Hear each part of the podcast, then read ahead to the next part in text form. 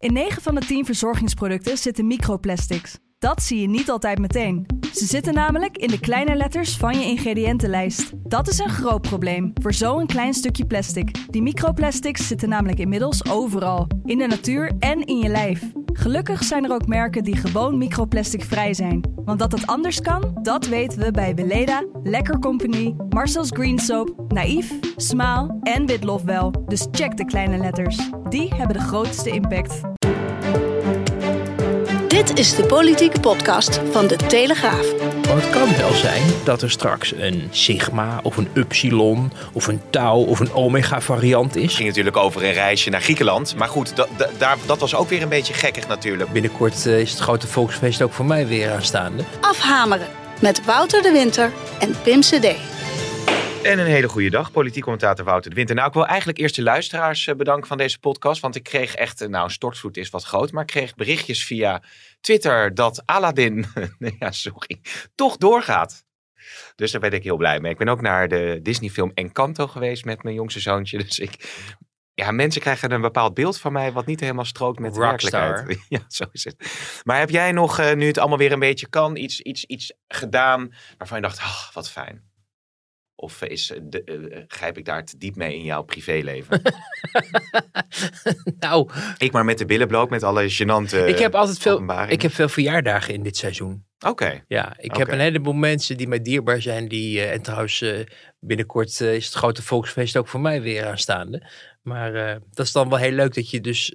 Ja, ik heb dan blokjes verjaardagen, maar niet zeg maar blokjes van dat je langskomt eh, met beperkte aantallen, maar gewoon elke dag een blok verjaardagen, Oh ja. zeg maar. Oh ja, nou ja, hartstikke Dus leuk dat is, eh, eh, natuurlijk. Ja, Ja, als nou, ik, dat is echt mensen die denken, jezus, dat waren twee minuten van mijn tijd die ja, echt... nou ja, goed, wat wel eh, grappig leven, is, is dat natuurlijk toch het sentiment is wat nu in de samenleving heerst. Het kan allemaal weer, Ja. willen we zo snel mogelijk van alle coronamaatregelen af. Dinsdag in Den Haag buitelden ze bijna over elkaar heen om toch te zeggen dat ze er wel helemaal klaar mee zijn. En Wilders die eh, verwoorden het zo. Wat mij betreft eh, moeten ehm, al die eh, maatregelen van of het nou ehm, 1G, 2G, 3G, eh, de coronatoegangsbewijzen, ehm, daar moeten we gewoon van af. Je hebt ook rapport na rapport gekregen, zelfs van TNO Nederland, dat eh, bijvoorbeeld die coronatoegangsbewijzen, dat die niet of nauwelijks een paar procent helpen. Ja, het is, is, er is geen houden meer aan, lijkt het wel. Hè? En je krijgt ook een beetje de indruk dat men in het, in het kabinet eigenlijk ook niet meer weet wat ze moeten doen. Omdat je ziet dat sowieso de advisering van het OMT, die zo ontzettend dominant is geweest de afgelopen jaren, eh, ja, dat die minder dominant wordt. Dat is denk ik ook gezond, aangezien Hmm. ehm, ja, ehm, dat een beetje een OMT op zich werd. Een, een eigen soort schaduwkabinet. En je zag ook eh, niet zo lang geleden dat er ook al, al plannen waren door een aantal OMT-leden om zelf maar met een plan te komen over hoe we in de toekomst met pandemieën om moeten gaan. Dat je denkt van ja, ik bedoel, thank you, maar hè? we wilden nu weer gewoon lekker eh, eh, normaal door met leven. Maar een kabinet dat zich geconfronteerd werd met het ene na het andere Europese land, dat, eh, dat de, de boel allemaal vrijgeeft. Intussen sky, skyrocketing besmettingscijfers hier, iets oplopende ziekenhuiscijfers. Mijn indruk is dat men eh, vooral die ziekenhuiscijfers eh, kijkt of daar niet een, echt een explosie is. En als dat niet uitblijft, hè, het is nu iets meer dan, dan bijvoorbeeld de week daarvoor. Eh, maar als dat niet met, met, met ja, exponentieel omhoog gaat, met, met tientallen, honderden procenten, zoals dat wel met deze besmettingen gebeurt, dan moet je wel denken aan de volgende stap richting versoepelen. Ja, En ja. de, de inschatting is nu dat het een tussenstap zal worden. Dus dat je eerst bijvoorbeeld naar, naar middernacht gaat of zo. Voordat je die hele nachthoreca open, o- opengooit. Maar ja, die nachthoreca heeft al gezegd. Vanaf 12 februari is het feest. En de vraag is, wat kan ehm, het lokale gezag die de boel moet handhaven nog doen als de hele stad na 12 uur open Mm. blijft. ja. Dus ja, dat wordt nog een hele lastige beproeving. Nou, het is ook wel, wel, wel lastig. Ik, ik vroeg ook in Den Haag bijvoorbeeld aan Kees van der Staaij. Die had hij volgens mij ook nog een, een motie over ingediend. Nou, Wilders zei de ene en de andere motie. Die wordt er eigenlijk over ingediend. Van ja, hoe snel moet je nou volledig van het slot? Nicky Pauw-Verwijf eh, van ja 21 die zei nou vandaag. Doe het maar vandaag, weet je wel.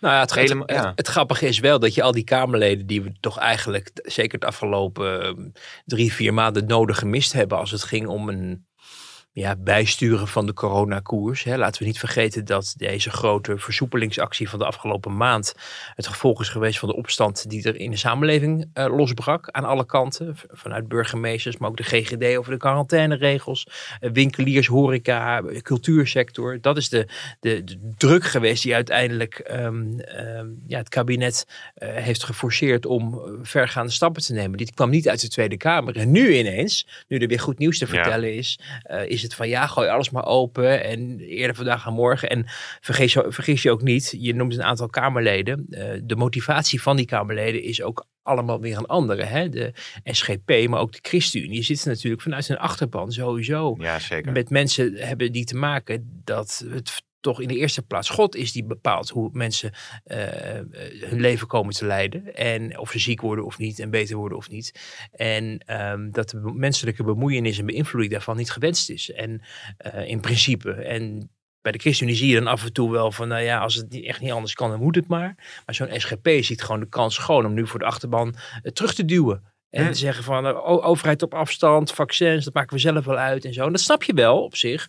Maar daardoor ont, is er een soort, ja, een, een, een, een, een, bonte verzameling aan geluiden die nu zegt, weg met dat 2G-wetsvoorstel. Het is nog niet eens behandeld, hè? Weg, intrekken. Dat je Ja. bij jezelf denkt, ja, oké, maar...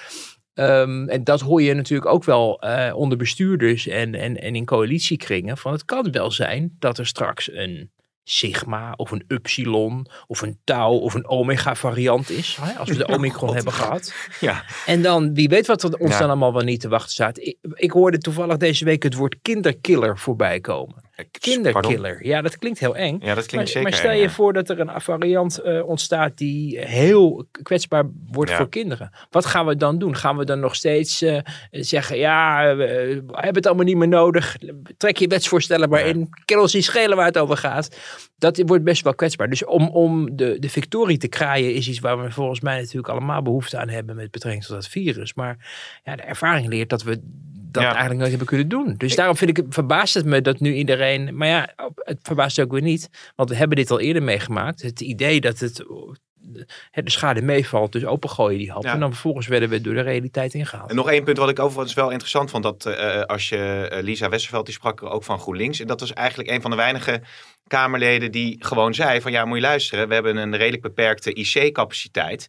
We zijn daar gewoon kwetsbaar. Ze, ze hebben de zorg nauwelijks kunnen dragen de afgelopen maanden. Dus Ja. laten we even hè, Ja. wat, wat adempauze nemen, wat rust nemen. En van daaruit verstandig het Ja. land verder opengooien. Nou, weet je, eh, hoe je het ook bent of verkeerd, en eerlijk is eerlijk. eh, zij, zij durft daar wel een geluid te laten horen, wat bijvoorbeeld in haar achterban niet per se wordt geapprecieerd. Hè? GroenLinks, hè, de Diederik Ebbingers van deze wereld, die toch eh, ook eh, stonden aan te dringen op eh, het moet allemaal maar open en die cultuursector. En dat snap je, hè? je snapt het allemaal. Die mensen willen aan de slag, die willen Mm. weer leven zoals we het allemaal willen. Alleen ehm, je merkt dat Westerveld toch af en toe ja, durft toch enige voorzichtigheidsmarge Ja, in te bouwen.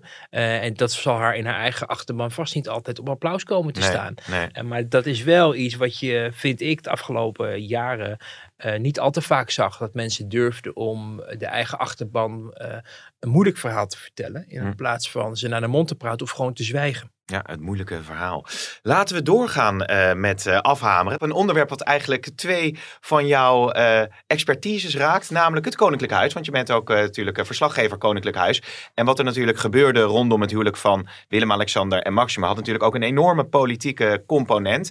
BNNVARA die heeft deze week een hele documentaire serie gemaakt over wat er nou allemaal achter de schermen is gebeurd. En jij wilde het daar ook specifiek over hebben? Ja, het, eh, de reeks heet het Porseleinen Huwelijk. Ja, 20 jaar. 20 jaar. En dat was natuurlijk op 2 februari eh, van deze week eh, was het ook zover. Het was, het was echt een, een hele interessante en een hele goed gemaakte, mooie documentaire. Echt de moeite waard om te kijken. Echt een, niks dan lof daarvoor. Geef ze maar een tegel of zo, of iets anders leuks.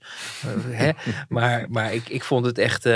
indrukwekkend. Voor mensen die het niet hebben gezien, kort uitleggend, er wordt in beeld gebracht en met sprekers en bewijsstukken eh, hoe dat huwelijk tot stand is gekomen. Hoe de toenmalige prins van Oranje, de huidige koning, verliefd werd op, eh, op de Argentijnse Maxima Sorregieta. Eh, en dat hele traject wat we weten dat dat moeilijk zat met die vader. En die had als eh onderstaatssecretaris en later als staatssecretaris van, van ehm, Landbouw. van landbouw gediend in het Fidela-regime. En ehm, ja, minister-president Kok, maar ook de Tweede Kamer vonden daar van allerlei dingen van. En de bedoeling was dat die man op afstand gehouden werd. Eh, en dat de prins van Oranje toch kon trouwen met wie hij wilde. En nou, er is heel veel over te doen geweest destijds. Maar we zagen nu eigenlijk voor het eerst een heleboel onthullingen. eh, dankzij de aantekeningen van Max van der Stoel, de zendeling die eh, op die man werd afgestuurd. Om hem te bewegen om niet naar Nederland te komen en afstand te nemen. En nou ja. En ehm, daar zitten gewoon, eh, ja, die, die stukken zijn openbaar geworden dankzij, vermoedt men in Den Haag, en dat vermoed ik als kijker eigenlijk ook, de medewerking van de zoon van Max van der Stoel. Scipio heet hij. Oh, Ja, Ja. dat was, ik bedoel, als je nog een kind, nou Hè? was het niet van noem plan, hem maar... Scipio, want dat, dat, zo kom je ze niet Ja, vaak tegen. Ja, nee. Eh, beetje Aladdin-achtig. ja, misschien speelt uh, Skipio wel een rolletje Scipio, daar Aladdin. Ik heb geen idee. En, ehm, en, en maar die Scipio die was ook in beeld, en maar die heeft dus allerlei aantekeningen, waardoor je dus geconfronteerd wordt met hoe dat destijds is gegaan. Ik dacht wel bij mezelf, het lijkt mij staatsgeheim eigenlijk. Staatsgeheime informatie, omdat zulke pijnlijke en persoonlijke dingen ook over, eh, ja, over ook hoe de koning en eh, de koningin destijds, Beatrix, en reageerde richting haar zoon. Zoon emotioneel, want die wilde trouwen met wie die wilde. Ja. En dat snap je ook wel. Uh, maar ook gewoon, er was sprake van, uh, we hebben inzage gehad in de ministerraadnotulen. Alsof het, alsof het de Donald Duck is die je eventjes bij de, bij, de, bij de sigarenboer leest. Maar natuurlijk heel zeldzaam. Dus wie heeft die informatie verstrekt, denk je dan? En Hmm. ik weet niet of Max van der Stoel ook de ministerraadnotulen kreeg. Lijkt me eigenlijk niet. Dus er hebben meerdere mensen meegewerkt aan het verstrekken van informatie. En dat zijn uh, ja, mensen die vooral op de achtergrond, denk ik, voor een groot deel verkeren. Maar maar echt heel interessant. Maar ook wel kwestieus op veel plekken. Omdat je gewoon zag hoe. Um, um, nou ja, je ziet op een gegeven moment zie je de prins van Oranje gewoon zeggen: nee hoor, er is helemaal geen druk uitgeoefend op.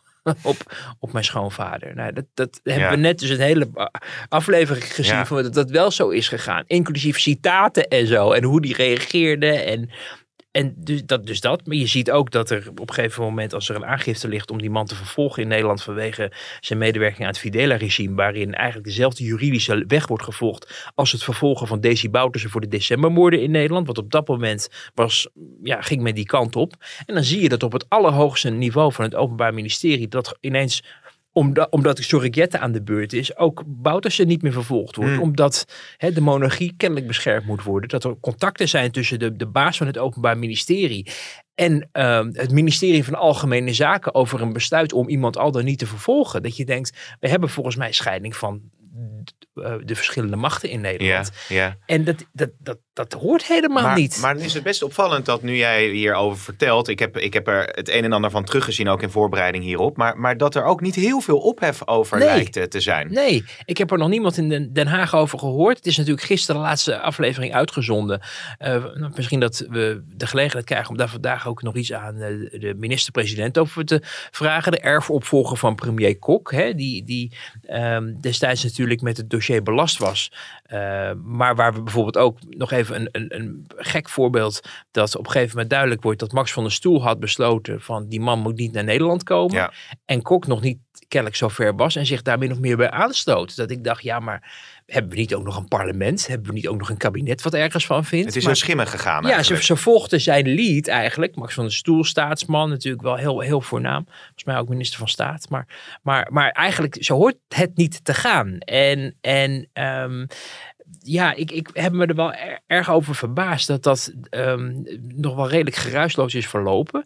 De vraag is natuurlijk niet of uh, of niet zozeer meer van, um, ja, krijgen we nog veel extra informatie boven tafel als je alles gaat onderzoeken? Want ja, we zien het nu en ik denk dat het redelijk adequaat of buitengewoon adequaat eigenlijk is, zoals het in beeld is gebracht in die documentaire. Maar de vraag is natuurlijk, um, functioneert het systeem ja. nog zo op dit moment in Nederland dat er dus achter de schermen uh, een, een, politieke vinger kan worden gelegd op het weegschaaltje van vrouwen justitia. En kan, uh, zoals in de eerste aflevering bleek, bleek, nog steeds het Koninklijk Huis, want dat is ja, toch wel iets wat je veronderstelt, een geheim onderzoek starten naar de achtergronden van iemand op het moment dat de minister-president en de minister van Binnenlandse Zaken die over de veiligheidsdienst gaat, daar helemaal geen weet van hebben. Nee. Weet je, mag dat wel? Dat mag eigenlijk helemaal niet. niet eigenlijk, het mag niet. Ehm, de vraag is, kunnen dat soort machinaties nog steeds gebeuren? En je zou zeggen, zoals we wel vaker denken met dingen waar we ons over verbazen, ook op het wereldtoneel, zoiets gebeurt niet meer. Hè? Niet meer oorlog in Europa, eh, gekke presidenten en staatshoofden. Dat was iets van vroeger, daar lazen we in geschiedenisboekjes over. Maar je ziet het nog steeds gebeuren. Eh, dus we hoeven ook niet uit te sluiten dat er ook anno 2022 op de achtergrond dingen plaatsvinden Ja, die, die democratisch niet te verantwoorden zijn. nee, maar, maar duidelijk is wel dat als het gaat over de, de, de communicatie, koninklijk huis, eh, kabinet, dat dat natuurlijk wel vaker tot rare bochten heeft eh, geleid. Ik, ik, ik kan me nog herinneren dat je, dat ging natuurlijk over een reisje naar Griekenland. Ja. Maar goed, dat, dat, daar, dat was ook weer een beetje gekkig natuurlijk. Of, of je onthulling over het feestje natuurlijk van, eh, Amalia. van Amalia. Ja, ja. Dat, dat, er zit daar, dit verhoudt zich niet helemaal tot elkaar, maar er zit natuurlijk wel een patroon in hoe de informatie uiteindelijk naar buiten komt en de rol van de Tweede Kamer daarin bijvoorbeeld. Eh, Ja, en, en, en de rol van het staatshoofd. Ja. En de manier waarop de Oranjes eh, hun leven leiden. Ja, het wegblijven van de rol van de Tweede Kamer eigenlijk, hè? dat die niet Ja, die geïnformeerd wordt aan de voorkant. Eigenlijk Ja, gepasseerd. We zagen in die documentaire zagen we ook Ad Melkert die dan min of meer als een soort ja, semi-woordvoerder van toenmalig premier Kok werd, eh, werd ja, geïntroduceerd. Want hij had goede contacten met Kok. Want hij was fractievoorzitter Tweede Kamer voor de Partij van de Arbeid. Op dat moment de grootste partij eh, van Nederland. Eh, en Wim Kok is natuurlijk overleden. Eh, dus, dus hij vertelde dan hoe Kok reageerde en dat soort zaken. Maar we zagen eigenlijk helemaal niet de, de, ja, de, de politici van destijds die met de controle bezig zouden Ja. moeten zijn over hoe, hoe, hoe dat allemaal ging destijds. Je zag wel, hè, juristen kwamen aan het woord en, en oud, hè, de, oud-diplomaten en zo. Maar eh, wat je ziet is dat die Oranjes elke keer op het moment dat het persoonlijke leven eh, aangaat, dat ze dat zoveel mogelijk buiten de politiek proberen te houden, buiten het gezichtsveld van Nederland. Dat snap je in zekere zin ook wel, want ook zij proberen een privéleven te hebben. Maar op het moment dat het gaat over het staatshoofd en, en, hè, de aanvankelijke motivatie ook van degene die die aangifte deed om Sorigetta in Nederland te vervolgen, dat de Oranjes en daarmee Nederland zich niet mogen linken aan het, aan het goedkeuren of het vergoelijken van Ja. een regime wat zo kwaadaardig is geweest, waar, waar een heleboel mensen gewoon zijn verdwenen, vermoord. En, en dat het on, onmogelijk is dat men daar niet van wist. Nee. Eh, en dat was destijds iets wat natuurlijk wel aangevoerd werd. Hè. We, we hoorden het pas allemaal later, na 1983, dat het allemaal zo erg was. En dat er ook gewoon mensen waren die, ook die documentaire zeiden, dat is onmogelijk. Je kan het niet, niet hebben geweten. Nee. Want je zat er, je was er onderdeel van, van het regime. Natuurlijk niet Maxima, maar haar vader. Ehm, dus ja, ehm, zij proberen dat zoveel mogelijk buiten het, gezichtsveld van, de- van de media en, en van politiek eh, te houden. Je ziet dat Kok op een gegeven moment wel aangeeft waar voor hem de grenzen liggen. Ik ga geen toestemming vragen aan eh, de, eh, de Staten-Generaal op het moment dat jij ehm, gaat trouwen met haar, terwijl we de politiek nog niet hebben afgedikt, bijvoorbeeld bij het op afstand houden van die vader. En ehm, dan zie je wel dat de politiek de, de, de, de spierballen laat rollen. Ja. Dat is op zich wel een belangrijk moment natuurlijk. Hè? Dat het Omdat het lag ook heel gevoelig bij de P van de A met name. ook hè? dat, ja, ja, zeker. Dat zal misschien ook inspirerend hebben gewerkt eh, destijds. Hè? Omdat Ad Melkert nog op het partijcongres zei van... eh, we, we, we, we zijn er erg uitgesproken over. Hoewel toen puntje bij paaltje komt... PvdA bij Baart en Van Dorp het allemaal maar prima vond. Enfin, als mensen het niet hebben gezien, die documentaire is moeilijk Gaat dat om... zien, eh, om- mensen? ja, is Ja. Het, maar, maar kijk het daar. Maar het is, dit is wel iets waarvan, waarvan ik denk van... Er zijn daar dingen gebeurd die gewoon eigenlijk Ja. niet kunnen. En die, die eh, ik denk staatsgeheim zijn verklaard. Maar ja, je verwacht wel dat ehm, de minister-president op een of andere manier eh, vandaag of binnenkort wel, en ook anders de Tweede Kamer, ehm, iets doet waardoor Nederland op ja, de indruk krijgt dat dit niet meer kan, Nee. zich kan herhalen. Mooi, mooi kijkvoer voor dit weekend. Ja. Ik, ik, ik moet ook nog eh, kijken naar, eh, geloof ik, eh, hoe heet het, Daan Schuurmans, die, aan de, die vertelt hoe Nederland eh, is, eh, is ontstaan. Heb je daar ook nog van meegekregen? Dat heb ik niet Dat, meegekregen. nee. dat is een heel ander programma. Daan Schuurmans vertelt de hele geschiedenislijn van eh, Nederland. Schijnt ook een heel mooi programma te zijn op. NPO 1. Wat eh, geloof ik naar Deens model is, is gedaan. Dus we hebben veel te zien wat dat betreft. Moet ik ook nog de kaartjes boeken voor Alain. Heel even nog leuk. want dat is natuurlijk toch ook wat, wat veel kijkers eh, willen, willen weten. Van was de, nou de kans groot dat de koning echt daadwerkelijk de troon zou opgeven voor Maxima? En dit is wat hij daar toen over zei. Dus misschien een leuke teaser nog even. Dat wordt heel moeilijk. Zo'n keus uiteindelijk als je voor een bepaalde persoon gekozen hebt, die is definitief. En ik denk dat ik dan ook door zal zetten met mijn huwelijk. Ook als dat zou betekenen dat u dan geen koning kan worden. Dat zou dan de consequentie zijn. Ik vraag maar het is, het is, het is zo'n fundamentele keuze in je leven. Die wil je niet. Je neemt natuurlijk mee, alle mogelijkheden. Maar uiteindelijk, als je die keuze gemaakt hebt, dan kom je daar niet meer op terug. Ja, dit zei hij dus overigens voordat hij uh, Maxima ontmoette in een interview met uh, Paul Witteman. En uiteindelijk leidde het tot, uh, tot een strontverliefdheid op Maxima in Bariloche, onder andere. Ja, maar dat mag, dat mag ook. Hè. Je, kan, je kan je er ook veel bij voorstellen. hey, als je verliefd bent, 30 jaar geleden voor jou natuurlijk inmiddels. ja, ja. maar, is al ver voorbij het porselein natuurlijk. maar dat is, dan geef je daar alles voor op en dan ben je daar helemaal hout op de boter van. Maar ja, de, de, de, is, uh... dat is wel het patroon bij, bij Willem-Alexander. Uh, nog meer dan bij, bij, veel meer dan we kunnen hebben waarnemen bij Beatrix. Dat uh, het corset van ehm, de verantwoordelijkheid bij hem echt heel nadrukkelijk ja, knelt. Ja, ja. En, en dat het toch elke keer blijft schuren op het moment dat het persoonlijke privéleven uh, binnenkomt in de staatsrechtelijke verantwoordelijkheid. En dat mensen zich daar tegenaan gaan bemoeien. Terwijl hij denkt, ja, mag ik het zelf even uitmaken? Ja, ja zeker, uh, zeker boeiend. Laten we doorgaan met een onderwerp wat nu toch wel uh, heet is in Nederland. Dat is namelijk die spaartax. Hè. Er is ook over gedebatteerd deze weken. Van Rij, de staatssecretaris, die heeft meteen een enorme zware ja. klus te pakken. Want, ja. want hoe die dit moet gaan, gaan oplossen, dat, dat is een hele lastige. Ja, het is uh, dit, dit, dit, wordt een, uh, dit is een groot probleem. Het gaat om heel veel geld.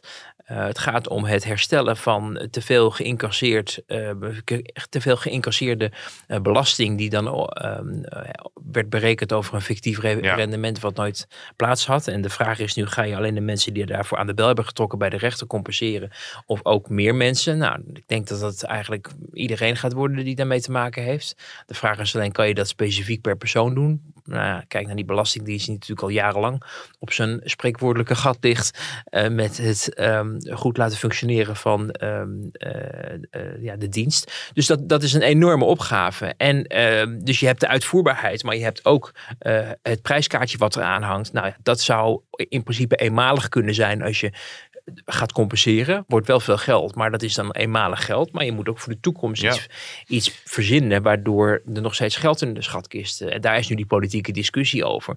Dat links daar heel duidelijk van zegt, we gaan progressief heffen. Of op een vast vermogen. percentage bijvoorbeeld. Ja, en, nou ja, progressief. Dus Ja, hoe meer... al op- ja, en... en Ja, hoe meer vermogen, hoe meer je, ja. je, je afdraagt dan. Ja, en, en eh, nou ja, dat, dat, dat, je merkte dat daar deze week in de Kamer een soort ja, hoofdlijnendebat over werd gevolgd, maar waar eigenlijk helemaal niks uitkwam. Eh, behalve dat er een motie kwam van de coalitie die de staatssecretaris vroeg om met een oplossing te komen. Eh, dat zijn van die bijzondere Haagse manoeuvres die ehm, eh, ja, ook wel een, die je dan ook wel een beetje moet doorzien. Want waarom wordt zo'n motie ingediend? Namelijk dat daar min of meer eh, ook een beetje uit blijkt. En dat Pieter Omtzigt, die benoemde dat wel.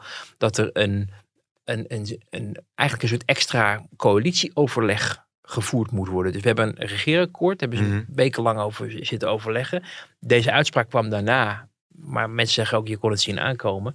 Maar het gaat om zo ontzettend veel geld dat je dat niet even kan oplossen doordat je de staatssecretaris of het kabinet met een voorstel laat komen. Maar dat de coalitiepartijen daar ook weer met elkaar om de tafel moeten zitten. Wat niet is uit te sluiten dat dat ook weer in een vorm zal gebeuren van Kaag, Jette, eh, Sophie Hermans Rutte, Pieter Heerma Hoekstra, Gertjan Segers Schouten. Eigenlijk wat we dus tijdens de formatie hebben gezien. Omdat het zo'n groot ding is. Dan gaan we dus eigenlijk weer terug naar, het, naar de oude bestuurscultuur. Dat Kamer en kabinet weer intertwined ehm, worden. En in coalitieoverleggen dingen gaan bespreken. Maar ja, misschien moet dat, Nee. begreep ik, deze, deze, met dit onderwerp nog gaan gebeuren. Want jij wilde ook even om zich laten horen hoe die dat eh, verwoordde Ja. in dat debat. Laat even luisteren. Want het probleem is groot in geld. Het probleem is heel groot in de coalitie, die hier nogal andere tonen aanslaat. Het koor zit niet bepaald in harmonie, als ik zo vrij mag zijn. Ja, dat vond jij een eh, opmerkelijke uitspraak. Ja, Dus- en ook omdat er in de coalitie eh, als door een wesp gestoken op werd Ja. gereageerd. De, de woordvoerder van de ChristenUnie die stuurde daar een tweetje uit. En dat werd dan driftig eh, ge- geretweet door eh, eh, zijn evenknie bij de VVD. Ehm, ja, de, de, de, irritatie daar in die coalitie is van ja, het is eh, ook niet goed of het Het is deugt nooit niet. goed eigenlijk. Maar als we in, op maandag met elkaar gaan zitten op het eh, ministerie van Mhm. de minister Kaag als tweede partij. En dit in coalitieverband gaan aftikken. En de marsorders uitdelen voor het kabinet en voor de coalitie. Wat ze moeten gaan opschrijven en wat ze moeten gaan stemmen. Dan eh, krijgen we het verwijt de oude bestuurscultuur. En op het moment dat we aangeven van nou ja, we zijn er nog niet uit. Of sommige partijen hebben denkrichtingen. D66 en CDA bijvoorbeeld die eh, zich daarover uiten. Terwijl de VVD zich heel erg op de vlakte houdt. Dan zegt Pieter Omtzigt en anderen. Ze zijn verdeeld en Ja. zie je dus een probleem. En dat is natuurlijk ook al, ook al vaker geweest. Dat eh, met kabinetten de coalitie verdeeld is. Hè. Je kan het eigenlijk elke dag wel in de krant zetten. Coalitie verdeeld. Alleen eh, uiteindelijk komt men dan tot een compromis. Alleen nu is het echt out in the open. Omdat in principe het nu niet zo is dat eh, Van Rij om de tafel gaat zitten met de coalitiepartijen. Om te zeggen, goh wat, jongens, wat gaan Nee. we doen? Want dat moeten ze dan volgens het nieuwe systeem onafhankelijk van elkaar gaan doen of zo. Nou, hoe dat alle, of dat allemaal lukt. Volgens mij heb je ook nog WhatsApp of zo. Of kan je via, via Zoom-meetingen ook wel overleggen of zo. Dus Ehm, maar er werd wel aangegeven in coalitiekring deze week dat dit probleem zo groot is dat je eigenlijk niet, uit, niet onder een coalitieoverleg uitkomt. En dat zou rond dit onderwerp de komende maanden dan ook echt wel kunnen plaatsvinden. Een soort, je zou het tussenformatie kunnen noemen. ehm, maar er moet iets gedaan worden. En ehm, ja, dan zie je omzicht die zegt van nou, ze zitten niet op één lijn. Nee. Maar ja, dat, dat is dan het gevolg van een nieuw probleem, niet afgekaart in ehm, de, het coalitieakkoord. Hoe ga je daarmee om als coalitie? En dat is iets wat toevallig nu, maar dat komt straks ook bij het volgende onderwerp, eh, de uitdaging is. Hè? De nieuwe bestuurscultuur is makkelijk over problemen die je vooraf hebt afgesproken, hoe je erin staat. Maar op het moment dat zich een nieuw probleem aandoet, moet je een modus vinden waardoor er niet al te veel grote ongelukken gaan gebeuren. eh, en er toch wel een oplossing wordt gevonden Ja. voor problemen. Zonder dat mensen daar ook heel veel gezichtsverlies door lijden, omdat ze eigenlijk iets totaal anders willen. Ja, Omtzigt heeft door die, door die functie elders eh, geschiedenis wel een eh, sterk mandaat om bij verschillende eh, kamerdebatten dit, dit telkens over het voetlicht te brengen. Hoewel het nu natuurlijk in een iets andere constructie is. Maar dat zie je natuurlijk wel in Den Haag gebeuren. Dat Ja. de, de, de verontwaardiging over hoe het toch gaat in Den Haag. Ja. Ja, Omtzigt kan dat steeds weer eh, ter berde brengen. Ja. En spint er ook garen bij. Want, want, want de achterban smult ervan, lijkt het. Ja, zeker, hoewel ik niet weet of de achterban van Pieter Omtzigt die, die virtuele zetel... Potentiële achterban. Ja, in het vooruitzicht stellen of die allemaal aan de buis gekluisterd waren om het debat over de vermogensrendementheffing te volgen. Maar eh, hij haalt er wel de podcast mee. Dat Dus is dat zo. is dan wel weer mooi nieuws. Dus weet toch honderdduizenden luisteraars hebben gekeken. ja. Maar, maar ehm, nee, het, het, kijk, met omzicht, ik, ik vond het wel weer nuttig hoor. Want je ziet wel weer, hij, hij zeker als het gaat om, om, eh, om fiscale zaken, dan, daar weet hij gewoon een heleboel van. En dan, dat doet hij, is hij ook al expert in al jarenlang. Ja. Eh, dus hij kan daarmee wel echt een heel belangrijke bijdrage leveren. Ook. En die, hij kan ook de bullshit wel onderscheiden van, van, van, de, van de feiten. Ook als die vanuit vak K rond dit onderwerp eh, eh, de wereld in worden geslingerd. Eh, dus daarom is het goed. Wel zo bij omzicht. hij is natuurlijk ook politicus. Dus hij ehm, zit daar niet als een soort rechter of zo die als een soort orakel vertelt hoe de wereld in elkaar zit. Ook hij heeft politieke belangen, eh, zal het af en toe op een bepaalde manier inkleuren. Bijvoorbeeld met dit statement, zo van, nou, ze zitten niet op me. Beetje sarren, een beetje, beetje zuigen. Hè? Ja, Het hoort, ja. er ook, hoort er ook een beetje bij. Het is ook niet al- alles wat omzicht aanraakt dat in goud verandert. Want hij maakt zich nogal druk over een heleboel dingen. En soms heeft hij heel erg beet. Maar goed, dat hebben we vaker hier besproken. En, en soms valt het ook wel weer mee. De, de, de reden voor de achterdocht. Eh, maar in dit geval is het wel heel fijn dat hij erbij is. Om Ja. eh, de, eh, ja, ook veel nieuwe Kamerleden die ook maar voor het eerst komen kijken. eh, bij dit ingewikkelde dossier. Er even aan te herinneren hoe het verleden zit. En hoe eh, nou ja, oplossingen eh, ingewikkeld zijn. Ja, ik wou nu even door nog eh, met Oekraïne. Natuurlijk zeer relevant. Rutte en Hoekstra zijn naar Kiev gegaan. En Rutte en Hoekstra waren ook bij een herdenkingsmuur met omgekomen Oekraïnse soldaten. Ja, Rutte was zeer geraakt daardoor. Ja, dit raakt me echt enorm, ja. Nou ja, je ziet foto's van jongens die op 17 juli zijn omgekomen. Dat is dus de dag op het vliegtuig neerkwam. Ja, en nu is het ook zo natuurlijk dat er besloten moet worden. Wat gaat Nederland doen? Welke steun gaat Nederland geven, de EU geven? Om het conflict niet verder te laten escaleren daar. Ja, maar je, je, je, je introduceert de quote van hij emotioneel. En dan vervolgens, Ja. maar je moet eigenlijk even... Oh, ik wou even bij de emotie blijven. Met die quote, eh, hè, je hoort aan het einde van die quote, die ik, eh, hè, die, die, die ik Was van RTL Nieuws trouwens. hoor, hoor, je, hoor je een beetje kraken. Dat, dat is een stem. En dat is op zich wel bijzonder, omdat Rutte eigenlijk nooit op veel emotie te betrappen is. En, en dat is vaak besproken sterkte en zwakte, dat hij eigenlijk nergens echt eh, iets belangrijk vindt, omdat hij flexibel is. Maar dat MH17-dossier is dat wel. Ja, dat is ja. de legacy van, van zijn premierschap ook. En ehm, ik kan me ook wel voorstellen dat het wel behoorlijk terugkomt als je die, die, al die, die dode, eh, veelal jonge Oekraïense soldaten ziet. En dan die datum erbij. Hè? Dat is natuurlijk toch in zijn geheugen gegrift. Dus dat, dat maakt dan wel weer eh, enorme indruk. Eh, dus ik snap dat wel. En dan nu weer geconfronteerd worden met eigenlijk hetzelfde conflict nog. Ja. Want dat tijden dat de MH17 uit de lucht werd geschoten, was er natuurlijk daar een strijd gaande om eh, met, met separatisten en Russische steun en de Oekraïense, eh, Oekraïners. En ja, die situatie die is eigenlijk, kunnen we constateren, alleen nog maar geëscaleerd sindsdien. Dus dat is ook wel de, de, de tragische conclusie dat het ook nog steeds speelt en niet is opgelost. En nog steeds de schuldigen niet achter slot en grendel eh, verdwenen zijn. En de vraag is nu natuurlijk van ja, wat doet Nederland om eh, Oekraïners bij te staan? En eh, het bijzondere vond ik vooral de manier waarop de Kamer daarin ook opereerde deze week en de afgelopen weken. En eigenlijk ook het kabinet, waarin eerst heel erg de boel op afstand werd gehouden. Van nou, hè, we komen wel met sancties, dat is goed. Notabene dinsdag, dinsdag woensdag nog eh, CDA, D66 die niks zagen in wapenleveranties. Eh, Rutte die naast de Oekraïense president staat, wel cyberveiligheid aanbiedt. En voor de rest zeggen dat het allemaal heel ingewikkeld is. Dat je toch denkt, wat, wat, wat willen we dan niet helpen? Of willen we, zijn we bang dat, dat de boel escaleert of zo? Of dat de Russen dan tegen sancties of wat dan ook? Willen we het lekker aan de Britten en de Fransen en de Duitsers overlaten? En dan ineens gisteren dat debat, donderdag, waarin wordt gezegd, ja, eh, we gaan, we gaan toch wat dingen doen en we beginnen ermee. En dat nieuwsbericht opduikt, de Kamer is akkoord met wapenleveranties. Terwijl er heel veel terughoudendheid eh, was natuurlijk. En dat heeft dan ook weer te maken met wat we net ook bespraken. Namelijk dat er aan het begin van de week, als er nog geen besluit over is genomen, eh, partijen nog vrij zeggen over hoe ze erin staan. En op een gegeven moment moeten bijdraaien of zich laten overtuigen, wellicht, eh, om, om nu deze koers te varen. Ja. Maar dat wordt wel heel erg verwarrend natuurlijk. Want als je aan het begin van de week iets vindt en het uit. En aan het einde van de week vind je eigenlijk iets anders.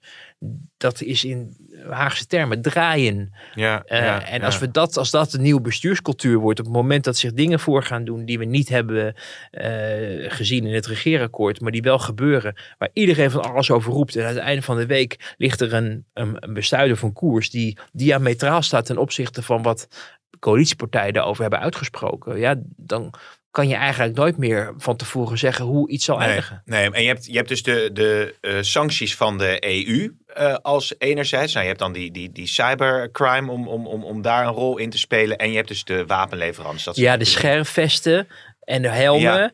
En, en nou ja, de vraag is, wordt het ook wat, nog wat offensiever? Eh, De minister van Defensie, Kajsa Ollongren, heeft gisteren niet uitgesloten dat er wellicht voor datgene wat we die kant op sturen ook trainers mee moeten. Zodat ze weten hoe ze met het materieel eh, omgaan.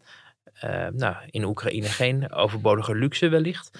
M- maar ja, Het je sturen hoort, van trainers, daar krijg ik trouwens wel meteen eh, Ja, bepaalde gevoelens bij. Want dat is natuurlijk in het verleden ook niet helemaal lekker gegaan. Nou ja, en dat is dan echt ook mensen in, in, in militair uniform. Die dan in dat land kennelijk aan de slag gaan. Of ga je dat dan in het buurland die mensen trainen en ze dan de grens over laten gaan naar Maar Oekraïne? bij een, bij een snel escalerend conflict, hè, we weten natuurlijk niet hoe het, hoe het allemaal gaat lopen. Maar, maar is dan het, het sturen van Nederlandse trainers. Ja, Ja. nou ja, het gaat natuurlijk om, om de vraag van zijn er boots on the ground in Oekraïne? Nederlandse boots. Ja. En, de, en Ja, dat, dat ligt gewoon erg gevoelig. Hè. Dat is natuurlijk wel overwogen op het moment dat MH17 werd neergeschoten. Dat er een soort. Ja. eh, dat, dat was het eigenlijk het moment waarop dat misschien ook hecht had gekund. Ja. Want het waren onze mensen daar en die moesten eh, geborgen worden. En ehm, ja, dat, dat heeft toen ook echt op tafel gelegen. Was volgens mij primeur van de Telegraaf destijds. Hebben ze uiteindelijk toch niet aangedurfd. Ehm, maar om dat nu alsnog te gaan doen. ehm, ja, en zeker in NAVO-verband, dan kan Poetin natuurlijk ook zeggen: hey, zie je wel, ze doen die NAVO die, Ja. eh, die is bezig in Oekraïne. Dus dat ligt allemaal heel, heel erg gevoelig. Het was wel interessant overigens ehm, deze week Dirk Sauer eh, te horen vanuit eh, Moskou. Die bij, bij Bo vertelde hoe er in Rusland tegen- tegenaan werd gekeken.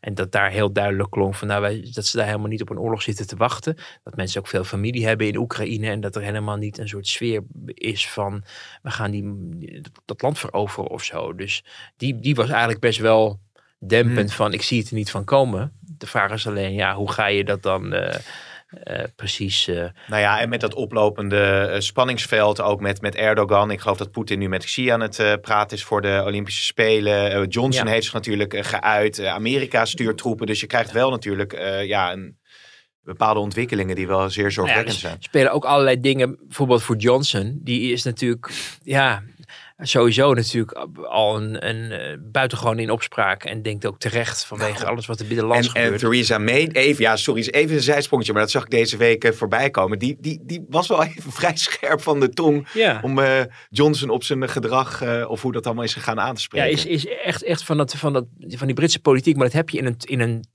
ja, ik noem het maar even een twee-partijen systeem. Dat is het officieel niet. Maar eh, dat dus ook het, het, het, het verzet en de boosheid en de moeilijke vragen uit de eigen kring kunnen komen. Ja. Iets wat, het is niet zo dat in Nederland ineens Henk Nijboer naar de interruptiemicrofoon loopt om Liliane Ploemen de maat te nemen. Ja. Voor Johnson is het natuurlijk ook belangrijk om wat men- sommige mensen noemen zijn Churchill-moment. Dat hij zich als de leider van de Britse regering kan opstellen van kijk eens, wij, eh, wij doen nog mee op het wereldtoneel. Ze zijn natuurlijk losgemaakt van de Europese Unie en eh, wij kunnen wel wapens leveren en daardoor mogen wij eerder bij de Oekraïne, bij Oekraïne eh, langskomen om, eh, om met die president te praten.